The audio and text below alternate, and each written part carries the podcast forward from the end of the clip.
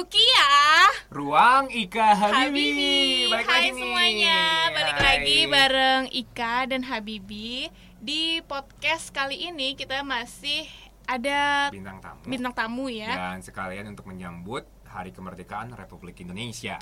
Betul sekali Kenapa sih Republik Indonesia kita jadikan tema spesial untuk hari ini Ya karena kita tinggal di Indonesia Iya, dan ini adalah ah, bulan Agustus. Lebih Iya tepatnya benar bulan Agustus um, 17 Agustus 1000 kok 1990 2020 2021 Satu gitu. Kita akan membahas uh, dan kenapa sebelum kita manggil um, bintang tamu kita ini, kenapa Mungkin apa kita mungkin orang udah tahu si bintang tamunya Iya. siapa dari si fotonya. nih? dari fotonya? Nah, boleh kali keluarkan suaramu. Halo.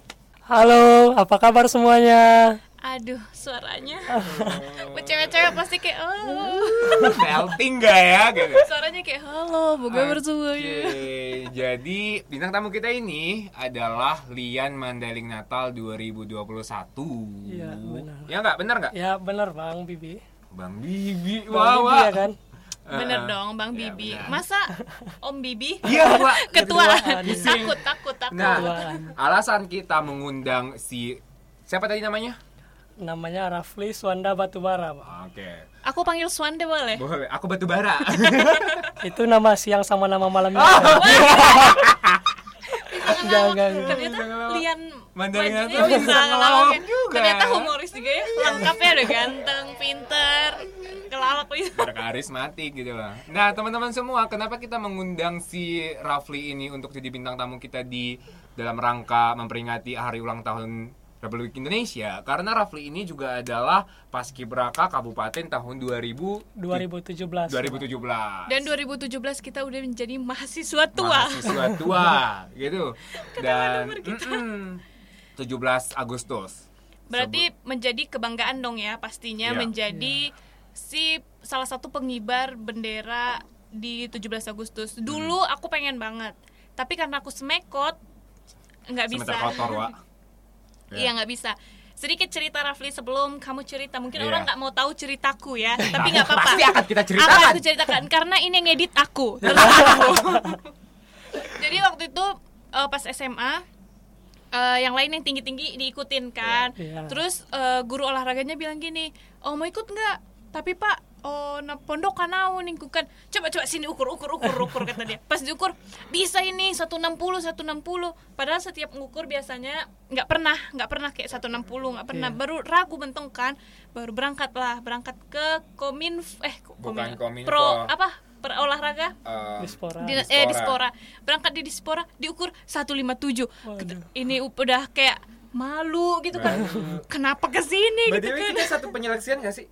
Iya iya Iya, waktu iya. kita masih kelas 1 Oh, aku nggak, aku ikut kelas 2 eh kelas 1 apa Kelas kelas, dua, 2 Wak. oh kelas 2 ya Kelas dua. ya habis itu 157 gitu udahlah kan kalah lah itu udah kalah dari ukuran ini sampai marah, marah kan ke Iya. guru kayak kata adik kata dia sekolah 160 Iya. dan itu kayak merasa keren aja gitu nah Ya, Rafli ini udah pernah gitu loh Rafli ini prosesnya waktu itu gimana bisa eh, masuk awal-awalnya. Iya. Kasih tahu dulu dong SMA di mana. Iya. Ya, sebelumnya kenalin ya semuanya. Nama saya Rafli Swanda Batubara. Alumni dari Man Panyabungan angkatan 2018. Nah, awal mulanya ikut kegiatan Paskibraka ini sih nggak ada awalnya nggak ada niatan. Karena kan sebelumnya juga posisinya itu diikut di korp musik Madinahnya gitu, bukan di Paskibrakanya Korp gitu. musik itu MB ya. Ya, marching bandnya. Wis, kita sama kita. Cuma beda kau MB sempat setahun. Iya, iya, Wak, iya. Cuma bedanya kita nggak senasib, nggak senasib. masuk paskibra. Iya. Iya. Terus Terus, terus. Nah di situ kan, di situ awalnya emang bingung sih mau ikut apa enggak karena di satu sisi udah ikut korp musiknya dan di satu sisi mau ikut ke paskibrakanya juga, tapi kan nggak bisa dua-duanya, Nah. harus salah satu gitu. Terakhir ya ambil jalan pintas, aku tinggalin yang di MB. MB-nya. MB-nya, terus milih ikut ke paskibrakanya. Di situ juga pas waktu pemilihan aku belum langsung ikut ke disporanya nggak langsung ikut gitu. Masih di sekolah, terus teman-teman yang ngedorong, yaudah coba aja gitu. Yang lain udah pada ke sana, kenapa nggak ke sana aja gitu. Iya. Dijajang-jajang sama temen ya. Nah iya, karena di situ masih bingung kan, harus ninggalin yang satu demi yang satu gitu. Iya. Iya. Terakhir ya, untuk cari pengalaman baru juga ya udah dari sekolah langsung berangkat sendiri ke Dispora ikut seleksi di situ dan alhamdulillahnya lolos lolos gitu Sedangkan itu maksudku gini, kalau pas Gibra itu tidak mudah gitu Iya, penyeleksiannya tidak Iya. mudah karena dari tes kesehatan, fisik, sama mental juga Iya, dites. pasti. Ada Eh, berapa tahap sih? ah, ada berapa tahap sih? kalau di angkatan 2017 kemarin itu ada tiga atau Tiga empat ya? tahap gitu Tiga. Ah, yang pertama kemarin tiga. yang pertama itu kan seleksi di sekolah dulu Ya, seleksi Oh, sekolah. iya, itu Sekolah. berarti yang aku lalui itu ya. nah Iya, ya seleksi sekolah. Kalau kita handpick namanya, Handpick ya, disuruh, lupa. disuruh, Oh. disuruh, Oh, oh, iya. ikut tes di Spora gitu. Oh iya benar-benar. Tapi waktu itu kalau aku masih diukur karena yang ragu itu Ya, sama ya. tinggiku. Kalau Terus aku disuruh, Heeh. Nah, Walaupun terus aku mengundur- mengundurkan diri. terus terus. terus kan habis dari sekolah itu langsung ke Dispora di Dispora diseleksi lagi sama orang Disporanya sama ada TNI-nya juga gitu Ya. setelah itu udah diketahuan nih di situ diseleksinya ukuran badan sama berat badan aja awalnya Bukan ukuran badan, tinggi, badan, ya badan. sorry tinggi badan sama berat grogi ya badan dia ada sama kita padahal kita nggak jahat loh. santai loh, Fli. Iya, Sumpah, dia kita santai grogi. banget nih. Grogi Apalagi banget. untuk merayakan ulang tahun Republik Indonesia yang Kamu ngelihat Yang eh, ke-76. gadis gadis 76. cantik di Madinah ini di Indonesia ini ya makanya Hanya grogi. ada Ika Rodia Ika adalah perempuan paling cantik di Indonesia. Enggak, Di- di rumah. Di. Istiqomah. di mana-mana gitu. Terus terus gimana? Abis itu penyeleksian tinggi badan, berat Ya, badan, berat lalu apa lagi? terus habis itu kan itu pending dulu tuh sampai lebaran Oh. kemarin itu emang lagi dekat lebaran dia Oh, iya. jadi setelah lebaran itu diumumin lagi diumuminnya itu ngadain tes kesemaptaan gitu Sebab itu apa? Apa tuh? kayak dia yang lari keliling lapangan Oke. Oh, Gitu, fisik, gitu, fisik kalau fisik. bahasa orang awam kayak kita mah Iya. fisik. Iya, fisik ya, Wak. nah itu kemarin kebetulan di tapian siri-siri tuh masih baru tapian siri-sirinya masih di situ Oh, ngadainnya gitu Kita tuh lari di situ. Wow. Angka orangku lalu masuk ke meu tinggal kon meru mepa. Ngapa? Enggak enggak. Ya, habis Ngap. itu lolos juga. nah alhamdulillah lulus Alhamdulillah juga di lolos. situ Mm, Nah. wow, good. setelah ya di situ kan setelah kita tes kesemaptaan itu itu beberapa minggu setelahnya sih diumumin terus yang diambil 34 orang kemarin Eh, ya, dari Iya, berapa ratus orang? dari beberapa dari berapa ratus orang yang ada di sekolah di tingkat sekolah Mandailing Natal tingkat SMA Iya. Terpilihlah Rafli. Kalau dari mannya sendiri ada berapa orang waktu itu ingat dari nggak? Ada dari 20 Man orang. alhamdulillah itu dari yang terbanyak sih dari Man tapi Iya, nggak nyampe pasti. 20 Pasti selalu. Iya. paling Pasti sekitar selalu dari man karena orang anak-anak man tuh tinggi tinggi. Gede-gede ya. Nah, dari apa namanya perasaan apa sih setelah setelah terpilih untuk menjadi salah satu anggota Paskibra yang akan mengibarkan bendera di 17 Agustus, perasaannya Rafli itu kayak gimana? ya pastinya kalau masalah ditanya perasaan masalah perasaan itu pastinya bangga banget Iya. karena kan kita niatnya itu emang mengharumkan nama Indonesia terutama gitu Hmm. Dan pastinya karena ikut berpartisipasi dalam kegiatan kemerdekaan Iya. juga nggak semua orang kan bisa ikut serta di situ gitu Benar-benar. Iya, benar. nah pastinya udah masuk ke situ ya harus benar-benar yakin karena di situ mental kita Hmm. fisik semuanya bakal dilatih Iya. gitu sama yang namanya kemerdekaan itu gimana seperti apa gitu Latihannya berapa bulan? Latihannya Berapa berapa bulan? latihannya kemarin kurang lebih satu bulan itu liburnya cuma satu hari seminggu Uh, itu pantas eksotis ya orang-orang yang pas kibra itu. Eksotik sekali ya. Iya. Karena Yang- ternyata dia seminggu full dijemur. Iya. Kita Nah, MB ajain di tempat teduh, kita ngeluh mulu. emang di situ sih banyak yang berubah berubah dari Apa warna kulitnya uh, Fisik juga pasti lebih kuat Fisik- ya. iya, fisiknya pasti yang banyak sih yang lemes-lemes terakhir udah, udah jadi ikut paski beraka itu dia jadi badannya jadi keker. Ah, jadi, ya, jadi, jadi, jadi. jadi, kalau bahasa gitu. Nah, itu kan sudah dilatih berbulan-bulan itu Fli. Kalau boleh tahu nih biar ada pengalaman berbagi pengalaman juga buat pendengar-pendengar semuanya apa aja tuh yang dilatih selama beberapa bulan itu sebelum menja- sebelum membawa bendera ke dikibarkan sebelum dikibarkan bendera merah tersebut. Apa aja pengalaman Rafli itu di situ selama latihan? Yang pertama itu di situ itu kita yang dilatih itu kekompakannya dulu. Hmm. sebelum latihan ke fisik dan lain-lainnya Hmm. kita di situ harus kompak nggak boleh. Kalau istilah di lingkungan sekitar mahasiswa gitu itu nggak boleh apatis gitu. Ya, oke. Jadi harus sama-sama semuanya harus dilakuin bareng-bareng. Hmm. dari sikap awal kita datang pagi stretching dulu gitu semuanya harus dilakuin bareng-bareng sampai ke makan siang dan sore pulang bareng semuanya lagi gitu Oke, nah selain itu ada lagi nggak soal tentang sikap uh, kepemudaan menjadi seorang um, pemuda Indonesia, pem- anak muda Indonesia, lalu atau enggak eh, sebagai manusia yang mengemban amanat tentang negaranya gitu. Ada nggak yang dilatih di situ? Di situ kita ditanamkan sama jiwa-jiwa nasionalisme pastinya. Iya. Dari Rafli sendiri sebagai Purna Paskibraka, nasionalisme itu seperti apa gitu loh. Tadi kan disebutkan bahwa sudah diajarin tentang nasionalisme gitu. Nasionalisme itu ibarat kalau di saat latihan itu ya, kita kan di situ udah ditanamkan nilai-nilai oh, kemerdekaan Indonesia itu apa aja gitu. Jadi sewaktu kita latihan, yang perlu kita ingat itu kita ini berdiri di sini, ada di sini latihan itu untuk Indonesia gitu. Oke. Untuk tanggal 17 yang hanya Tahun. sekali setahun dan pelaksanaannya itu juga cuman beberapa menit aja gitu. Iya. Iya, Tapi kita benar-benar. ngabisin waktu sampai Berbulan-bulan. hanya untuk beberapa menit gitu.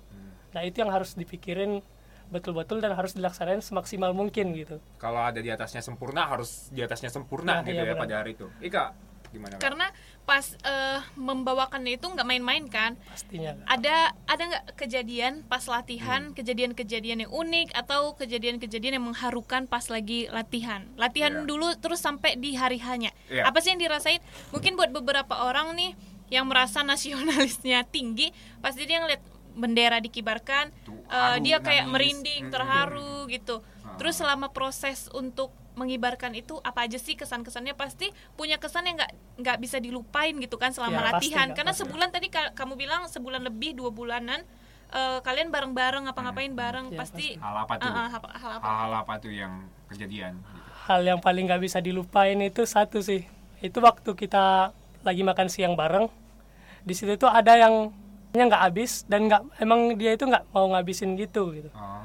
Terus terakhir kan karena kita di situ harus semuanya kompak, harus habis semuanya gitu. Tapi dianya nggak mau ngabisin dan kita juga udah dimarahin sama pelatih nih. Kenapa dia nggak bisa habis gitu? Terakhir solusinya itu kita di- dihukum semuanya jalan jongkok di tapian siri-siri jam 12 siang. Oh Panas-panasan. God. Tapi itu keren sih untuk mengajarin semuanya ini kan Kebersamaan. Iya, kebersamaan. Rasa pastinya, bineka tunggal ika. Nah, Benar-benar. dan setelah itu kalau di momen-momen latihan itu yang paling banyak biasanya yang pingsan lah Hmm. yang awalnya kita udah latihan udah mau beres tiba-tiba dia drop langsung minggir terakhir nggak jadi ulang lagi sampai semuanya Ulang benar-benar dari awal ya? nah iya kan Jadi salah sat- salah satu orang jadi Semuanya semua kena orang. gitu. Iya, iya. Berarti kebersamaan-kebersamaan itu yang mungkin gak didapat di tempat-tempat lain kali ya. Sampai saat ini. Dan pas waktu pengibarannya, itu kamu ngerasain apa? Feel apa yang kamu Iya. rasakan? Karena itu pasti kayak dung dudung dung dudung nenek itu ada eh, ditambah marching bandnya yang Iya. wow banget Iya, kan. Terus apa tuh yang dirasain? Iya. di situ tuh kita kayak ngerasa terharu pasti tapi di awal itu kayak merinding banget gitu merindingnya itu Aku juga. kita mikir Nasionalis nasionalis sekali ya. ini bak bendera ak- bakal naik sampai ke atas atau nanti ada masalah atau gimana gitu. Di awal itu semuanya banyak yang keringat dingin lah yang gemeter lah. Ini gimana? Bakal sukses nggak gitu? Sebelum pengibaran itu tiang bendera be- beberapa kali dicek. Nggak cuma sekali dua kali Iya. gitu. Pasti terus terusan dicek sama anggota dan teman-teman yang lainnya gitu. Terus pas sudah pengibaran kita nggak nyangkanya itu latihan kita nggak pernah pas gitu. Bendera nyampe di atas musik selesai gitu. Tetapi pas di acara itu kita nggak tahu kan Perfect, gitu. perfect gitu dia. Sampai semuanya udah selesai ngibarin kitanya itu semua pada nangis ngumpul ke pelatih pelatihnya kita gitu. Yang dia nggak pernah nangis di situ dia nangis beneran gitu. keren karena itu emang nggak mudah karena Iya. beberapa kita selalu ngelihat kalau di berita setiap 17 Agustus kan pasti ada berita yang sepatunya copot Nah, Iya, eh, benderanya nggak benderanya nyampe. nggak nyampe atau eh, ada kesalahan di talinya Nah, ya kan? benderanya kebalik. dan itu gitu. deg-degan banget sih Deg-degan dan banget. fatal fatal kan Ya, pasti. iya. hal-hal yang cuma istilahnya cuma berapa menit ya Iya, itu latihan untuk berbulan-bulan tapi performnya cuma beberapa menit gitu. hmm, benar-benar untuk hal yang itu kita kemarin emang pernah sih kak itu waktu di latihan tapi ya kan Ah. Itu yang kesalahan yang seringnya itu itu bendera kebalik. Bendera kebalik. waktu masang bendera itu kan. Berarti latihan juga sering mengalami sering mengalami kesalahan di Oke. situ. Itu ada tekniknya ya berarti untuk narik eh, bendera itu mengikat mengikat dan menariknya. Iya, itu gimana sih? Mungkin buat kita yang nggak pernah nih merasa cuma ya diikat doang terus Iya, ditarik iya. gitu. Itu apa sih tekniknya? Kalau yang itu sih sebenarnya itu kan ada tiga orang tuh. Itu dia masuknya ke tim inti. Iya. itu yang buat ngibarin bendera yang sama yang megang bendera itu udah koordinasi dari awal gitu Hmm. di situ udah dikasih tahu bendera ini kan bentuk lipatannya yang atas ini dikaitin ke yang bagian yang mana yang bawah dikaitin ke bagian yang mana gitu kalau kita sampai lupa kiri kanan yang kita pegang Kembali. pastinya kalau nggak kebalik ya nggak akan naik gitu sebenarnya. Oke. Jadi nggak berkibar zup Iya. gitu ya. Kalau yang, nggak dia- yang paling merinding itu yang pas yang zup Iya, gitu. iya.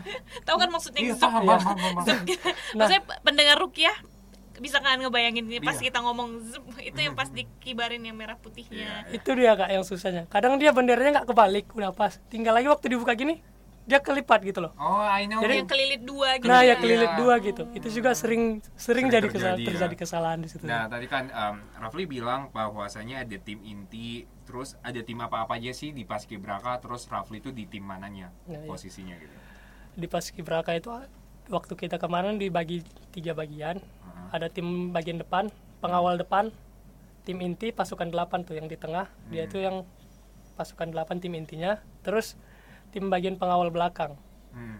Nah kemarin kan kebetulan kita formasinya 72 tuh 2007 2017 72 maksudnya apa? Mohon maaf, jelasin. Emang tiap tahun beda ya Ya, formasi itu? beda. Oh It- my god, kita kira itu sama. ini beda karena Ah. biasanya tiap tahun itu dia kayak kemarin kan kita kebetulan HUT RI yang ke-72 gitu jadi formasi Oh. bentuk pengibaran itu kita semuanya Ma- formasi buat angka angka 72, 72, ya. oke. kecuali yang tim inti yang tiga orang mengibarkan bendera itu mereka kan nggak masuk ke Iya barisan karena formasi mereka ke tengah, oh, Iya. mereka ke tengah nah kan. benar Terus terus. nah itu kalau dia bagian fungsinya yang pengawal depan sama pengawal belakang ya pastinya menjaga karena kita kan bawa bendera pusaka tuh Iya. yang susah payahnya Iya. dapetin bendera itu gitu Iya. nah itulah fungsi pengawal depan sama fungsi pengawal belakang mengawali kegiatan yang ada di tim inti ini gitu Hmm. jangan sampai mereka ada kendala sedikit pun gitu Oke. Ya, Nah, keren, tadi keren. kalau kamu di eh, kalau kamu di tim kalau apa? saya di 72. posisi pengawal belakang Oh, Bang. pengawal belakang. jadi Oh, kalau di formasi itu dia masuknya ke formasi angka 7 Oke. yang pengawal belakang ke angka Wow. 7 yang ang- pengawal depan ke angka 2 Wow, gitu Good, good job. Berarti Keren. dia begini ya, pas pas maju terus yang depan ke sini, yang tengah ke Iya. sini, abis itu Heh. yang belakang yang yang belakang maaf lupa. Ini maksudku, kamu ngomongin apa di ini, ini? Oh iya. Nggak kelihatan. Oh iya. ada video, Pak. lupa, lupa, lupa ada video. Iya maksudnya yang belakang ini jadi yang ekor ini ke ke ujung kanan sana. Sehingga kan? membentuk angka 7 Iya, pokoknya itu. Awal- Kau awal- pikirlah sendiri kalau kau Iya, pintar. capek jelasinnya, Wak. enggak awalnya itu emang semuanya itu ke Hmm. depan tiang bendera dulu karena kan kita menghormat dulu di situ Iya benar. setelah di situ nanti komandannya dantonnya itu ngasih aba-aba bentuk formasi gitu langsung yang oh dia formasi posisinya masing-masing. pengawal belakang langsung bentuk angka 7 yang pengawal depan langsung bentuk angka 2 lima. Eh, angka 2 Sorry, angka 2. Kok 5 tiba-tiba? By the way, aku mau nanya juga, apa sih perubahan sebelum menjadi paskibraka, anggota paskibraka, dan setelah menjadi anggota paskibraka? perubahan untuk diri pribadi ya Iya. awalnya itu yang paling kelihatan itu disiplinnya sih Oh, good. Cocok kayak kayaknya sih kita dulu kalau Eh, kita masuk. Kalau kita masuk mungkin kita udah keren ya sekarang. Iya, keren. jadwalnya buat jadwal. Iya, terus tiap tiap Nggak 17 Agustus juga kita uh, bisa pamer, posting, gitu. posting foto ya. Iya, iya. Terus terus habis itu, habis itu habis itu ya yang pertama itu di- ke- disiplinnya sama jiwa nasionalisme. nasionalismenya itu udah pasti ya. Oke. Nah, kalau eh, dari Rafli sendiri memaknai Indonesia itu seperti apa sih? Memaknai Indonesia dulu gitu. Indonesia sih kayak tiba-tiba haru gitu. Dia lagi membayangkan masa-masa dia itu loh. Kalau buat kita mah kalau Oke, buat sebelum Rafli, buat, buat kamu aja dulu deh, karena dia merasa haru gitu loh mau Oh, ngomong terharu Indonesia. ya. gitu. Kalau aku ya menurutku Indonesia, adalah rumah kita semua. Mm. Kalau nggak makan nasi itu namanya nggak makan. Hmm. Itu juga Indonesia banget kan. ya Dan sesimpel itu aja dulu nasionalisnya nggak se nggak biasa, se. iya. Yang harus melakukan apa gitu loh. Mm-mm. Dari aku sendiri Indonesia itu maknanya kalau aku sendiri aku bilang darah sih. Kenapa darah? Ya aku lahir di sini gitu Kalau loh. aku rumah berarti masih bersinergi ya. Iya bersinergi gitu loh gitu. Terus buat aku sendiri Indonesia itu tuh seperti slogannya kita tuh Bineka Tunggal Ika. Aku suka kali gitu loh, suka Apa? kali sama Bineka Keberagaman Tunggal- ini. Kok manggil? Bineka Tunggal Ika. Apa kau manggil? Berbeda-beda tetap satu juga itu salah satu yang aku sangat appreciate sekali tentang Indonesia. Nah, Rafli gimana nih menurut Rafli Indonesia itu buat Rafli sendiri apa? Indonesia itu buat saya sendiri ya kayak kita sekarang ini gitu kita bebas mau ikut apa aja gitu kita dikasih kesempatan tinggal lagi kita ngambil kesempatan itu enggak gitu Ya, oke. Hmm, banyak yang hal yang bisa banyak kita hal yang lakukan bisa kita di lakukan negeri di ini negeri ya. ini selagi kita ada kemauan ya pastinya Iya. bisa lah gitu Oke. Gimana kah? Eh, tadi kan dia bilang sempat ikut si marching bandnya duluan kan, baru Iya. ke paskibranya. Apa dua hal yang Membedakan. membedakan kedua ini?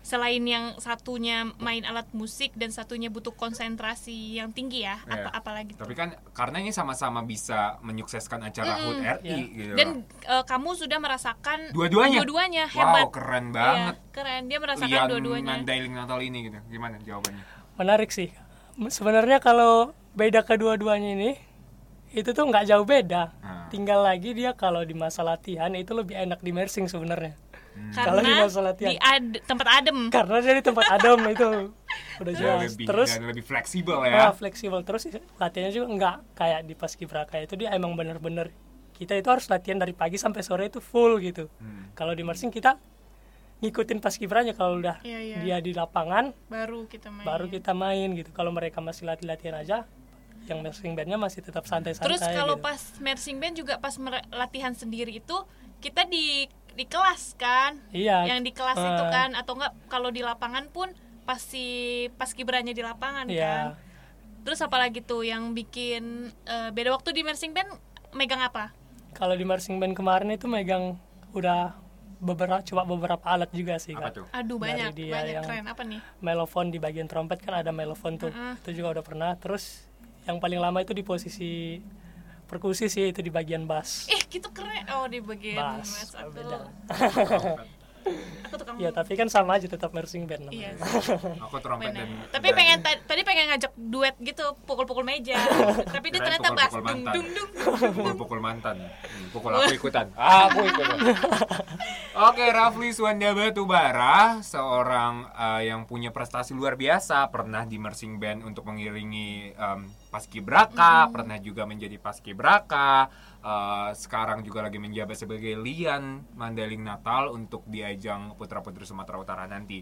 Hal apa sih yang ingin eh, kamu sampaikan lagi buat teman-teman yang di luar sana tentang menjadi seorang pemuda Indonesia yang punya em, jiwa nasionalis atau yang ingin menumbuhkan jiwa nasionalismenya? gitu.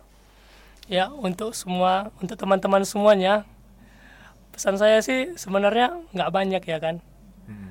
cukup kita lakukan apa yang lagi yang selagi bisa kita lakukan itu lakukanlah gitu. Iya. karena kita nggak tahu besok kita bakal bisa ngelakuin itu atau enggak gitu. Selagi dia positif dan apalagi itu membawa nama baik. Aw- kabupaten lah dulu. Kabupaten terus ke provinsi nasional bahkan internasional lakukan gitu. Oke. karena nggak semua orang bisa di posisi itu gitu loh. Nah, selain itu aku juga mau nanya em, pendapat kita lagi nih tentang em, kita ini lagi memperingati ulang tahun Republik Indonesia ya kan Ika, Ya. Raffi.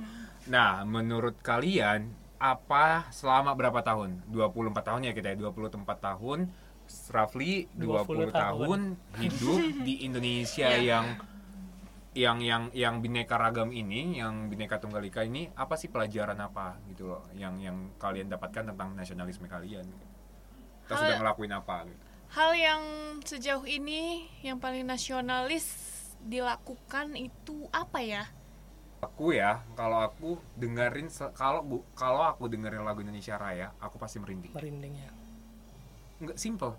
Nggak nggak harus mikir maksudnya gini, rasa nasionalis kayak maksudnya gini, ada kebanggaan tersendiri ketika mendengar lagu ngedengar Indonesia lagu Raya. Indonesia Raya gitu loh. Terus bangga banget dengan kata-kata Bhinneka Tunggal Ika. Itu sih. Kalau Rafli, kalau aku pribadi sih bang paski bro ya. Dia udah iyalah Nah, jadi Udah pas udah sebenarnya udah bangga banget sih sama Indonesia gitu Iya, iya. karena yang kita nggak pernah kepikiran bisa ikut di kegiatan untuk mengharumkan nama Indonesia itu juga udah terlaksana alhamdulillah Hmm. Terus nih, menurut kita masing-masing em, tentang kemerdekaan, arti dari kemerdekaan sendiri apa? Apa nih? Kalau aku sesim- sesimpel bebas aja sih. Bebas. Kita bebas melakukan apa Ya, yang kita pasti. lakukan. Kita bebas terus sebagai perempuan kita bebas melakukan Berekspresi. eh, berekspresi tanpa dipandang gendernya apa. Hmm. Ya. Rafli. Gak jauh beda sama. Kak Ika, bener. Itu merdeka itu ya pastinya kebebasan, kebebasan kita hidup di negara Iya. ini gitu. Ya, sama juga. Cuman aku ingin menambahkan selain bebas kita juga harus tahu porsi kita apa. Iya. Tidak menuntut pemerintah tapi mampu melakukan apa untuk Indonesia gitu. loh. Apa yang kita eh, ini kan ya kita Iya, berikan. Apa kita yang kita berikan, berikan ke karena Indonesia. merdeka itu menurutku sebelum merdeka kan banyak banget nih rakyat Indonesia pahlawan yang sampai menghasilkan kemerdekaan adalah Berjuang ya. berjuang saat bersatu berjuang dan bersatu makanya dari itu kalau seumpamanya ingin mencapai kemerdekaan kemerdekaan yang lain maka ya kita sebagai rakyat Indonesia harus bersatu lagi dan berjuang apalagi nih pas eh, pas pandemi sekarang ini Iya, Benar-benar. Karena dua tahun terakhir ini menjadi hal yang beda ya untuk Iya. kita. Di tahun pertama kita mulai beradaptasi dengan Iya. pandemi ini. Gimana sih kita biar, biar bisa tetap berkarya Hmm. untuk eh, melakukan hal-hal yang mungkin dari simple untuk diri kita sendiri kan. Hmm. Kayak oh pengen eh, bikin ini untuk diri sendiri tapi lama-lama ternyata membanggakan orang lain, Iya. membanggakan bahkan ada yang sampai membanggakan negeri ini gitu loh Iya. di tengah pandemi kayak gini Hmm. itu sih itu sih nah apalagi ya soalnya em, kalau aku ya kalau membahas Indonesia itu aku selalu haru sih terharu karena aku suka banget soal em, sejarah-sejarah Indonesia. Pas SD Iya. juga aku selalu ke perpustakaan yang ada di pasar di pasar kan eh, di penyambungan kan. Aku selalu ke sana membaca sejarah-sejarah Indonesia. Nah sebelumnya kalau kalian ada nggak sih pahlawan favorit kalian? Pahlawan favorit eh, untuk yang kalau yang dulu-dulu mungkin eh biar nggak terlalu ini ya nggak Iya. terlalu ngikutin. Tapi mungkin untuk sekarang sekarang nih pahlawan itu buatku ya perempuan-perempuan yang berjuang. Karena mungkin aku perempuan ya jadi Iya. banyak hal yang kurasakan perempuan ini sebenarnya di, me- eh, merasa tidak semerdeka itu Iya. gitu. Jadi setiap tahunnya kemerdekaan ya pengen menuntut merdekanya si perempuan juga. Oke Rafli? Kalau aku sih pahlawan favorit ada. Apa?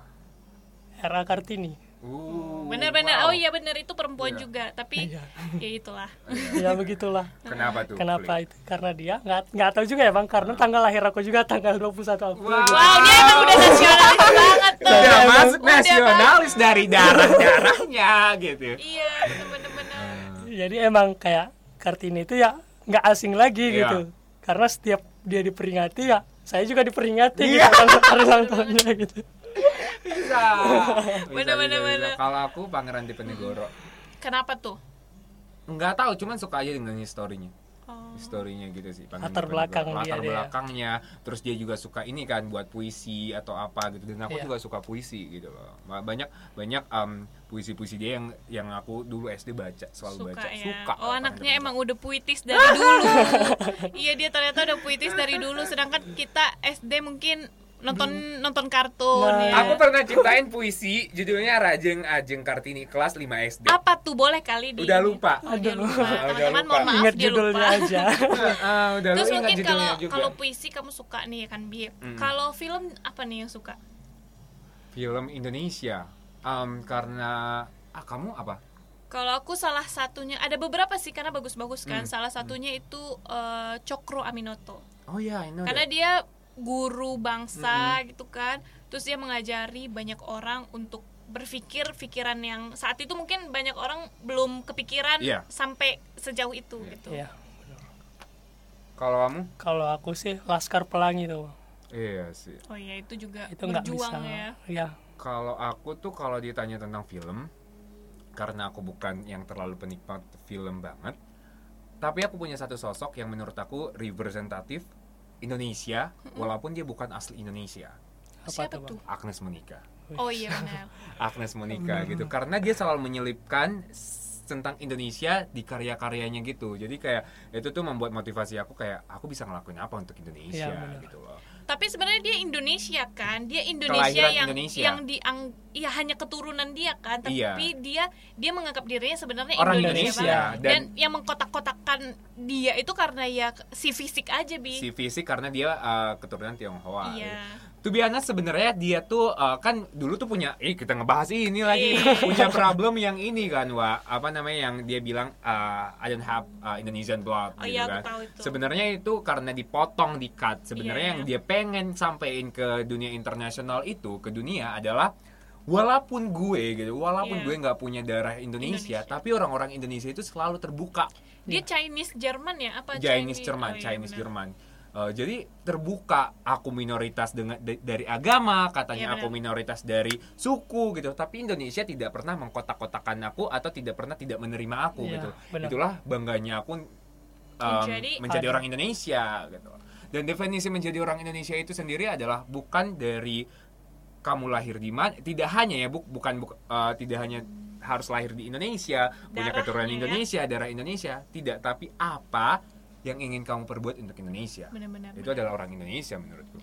Kayak baru akhir-akhir akhir-akhir ini aku ngelihat ya. Hmm. eh, ini karena ngomongin Agnes Monica ya Iya. dan Iya. masih berhubungan dengan Indonesia. Anggun di beberapa eh, Wawancaranya. wawancaranya bilang kalau dia tuh dianggap bukan orang Indonesia padahal di luar negeri dia Indonesia dia- banget. Hmm. Di Indonesia dia malah nggak Nggak dianggap dianggap. orang Indonesia, Harusnya kan kita sebagai orang Indonesia yang mendukung orang-orang hebat kayak mereka Yang mau- bukan yang mau Iya, membawa- yang Yang mau memajukan nama Indonesia. Indonesia. Iya. Bukan malah yang banyak cengkune di Indonesia ini merusak-rusak Indonesia, menyebar-nyebar hoax, Iya, bikin iya, berantem, iya, iya. eh, ormas-ormas nggak jelas Iya, gitu. benar. Kok marah? Kayak aku sih selalu mikir ya. Sama juga dengan apa yang dibilang si Ika tadi tentang gender, tentang kesetaraan gender. Kadang yang menjatuhkan perempuan adalah perempuan sendiri. Ya, betul. Ya Sekali, sih, betul. gitu loh. Jadi tolonglah karena ini kita memperingati Hari Indonesia, yang saling menjatuhkan itu tolonglah dihapuskan. Ayolah merdeka gitu Sama-sama merdeka. melakukan hal-hal yang Yang positif. positif. Sebelum meminta merdeka dari sebelum ingin meminta sesuatu dari pemerintah, mintalah kepada diri sendiri untuk tidak melakukan hal-hal negatif kepada orang lain. Benar. Jangan nyusahin negara gitu. Iya, dengan menyebar hoax, Benar-benar. fitnah apalagi di masa pandemi sekarang sekarang nih ini kan Rafli udah pernah represent- representatif menjadi anak muda Mandailing di HUT RI sebagai marching band personal personil marching band dan anggota Paskibraka apalagi nih yang ingin Rafli lakukan untuk Indonesia berikutnya Ini eh, ikut Lian Taing kan. Ya. Li- Lian Taing Mandailing Natal dengan target eh, masuk untuk selanjutnya ya ke ke mana Provinsi. sih dia ke Provinsi. provinsi ya ke- jadi grogi aku tuh ke provinsi dan itu menurutku kamu udah menjadi salah satu bagian anak muda anak yang muda yang berprestasi dan untuk Indonesia Iya. karena kamu eh, mempromosikan apa yang ada Apa di yang apa yang ada di Indonesia. Indonesia, Indonesia walaupun benar. mungkin dari paling kecil ya dari kabupaten terus ke Mm-mm. provinsi terus insya Allah nanti ke nasional. Eh, nasional. bisa dan- internasional internasional depan amin ya dengan Amin. dengan kamu eh, memberikan ya memberikan edukasi nih ke orang-orang Hmm. kalau Indonesia ini indah gitu itu Iya. gimana sih kamu biar memperlihatkan cara kamu memperlihatkan ke orang-orang ini loh Indonesia ini bagus loh Iya. gitu Nah, kebetulan ikut kegiatan ajang ini juga yang Putra Putri Sumatera Utara. Yang pertama yang untuk diperlihatkan itu ya Indonesia kaya akan kebudayaannya gitu, pastinya gitu. Benar sekali, Selain kebudayaannya. kebudayaannya, alamnya juga Mm-mm. Banyak yang harus dilestarikan yang keindahannya itu nggak nggak semuanya dimiliki oleh negara-negara Iya, lain benar gitu. sekali. Tuh. Itu sih sebenarnya. Ah, Oke, udah em, cukup lama kita berbincang Iya, tentang hampir Indonesia. satu jam ya. Hampir satu jam ya. Dan untuk kali ini kayaknya kita nggak perlu quotes, bukan nggak perlu sih, tapi kita akan menggantikan harapan kita untuk Indonesia ke depannya. Yes. Ya. Gitu loh. Dimulai dari siapa nih? Aku boleh ya. Boleh. Ladies first. Padahal tadi gue menuntut kesetaraan gender. Gender. Sering terjadi pemuda-pemudi. Enggak sih biar nggak dipotong aja Iya. ya. Ya.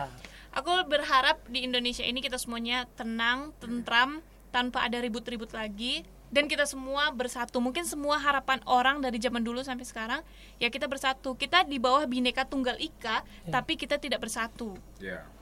Dan semoga eh, selalu bersatu eh, di luar dari kita bisa dibohongi oleh orang gitu kan. Kita ditipu oleh siapa pun. Semoga lebih baik lagi lah. Oke. Ya.